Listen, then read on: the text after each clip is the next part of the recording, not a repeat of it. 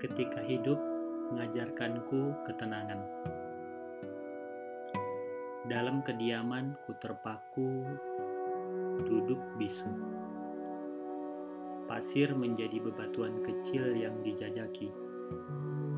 Gelombang air ombak keras, kejam, menghantam karang.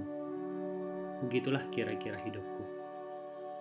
Dipaksa keras menghadapi kekangan yang tak berkurang. Berat beban aku emban, peluh resah, keringat bercucuran. Tangis, raung, sedih berkelindan penuh harapan. Tiada kunjung tiba kejelasan kecuali ketidaktahanan ilalang. Kaki terasa kaku, bak tonggak di semen campuran.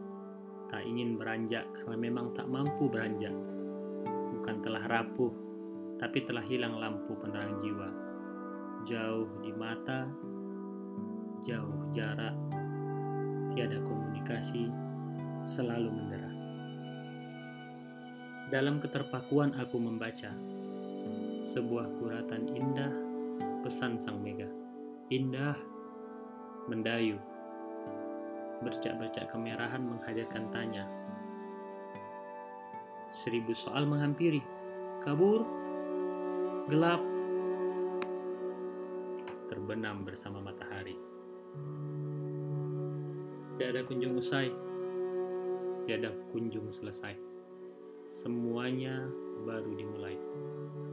Hidup mesti banyak esai. Sekali lagi kukatakan ku terpaku dalam posisi perpaduan di antara pepasiran dan air laut yang saling bertemuan. Aku langsung katakan bahwa aku butuh kejelasan. Aku tidak ingin terombang ambing di antara air dan daratan. Darat mengajarkanku kegilaan, kemunafikan, dan kearifan. Sedangkan lautan mengajarkanku ketidakpastian dan semangat pergerakan. Mana yang harus kupilih jika keduanya minta diagungkan? Mana yang harus aku agungkan jika semuanya membingungkan?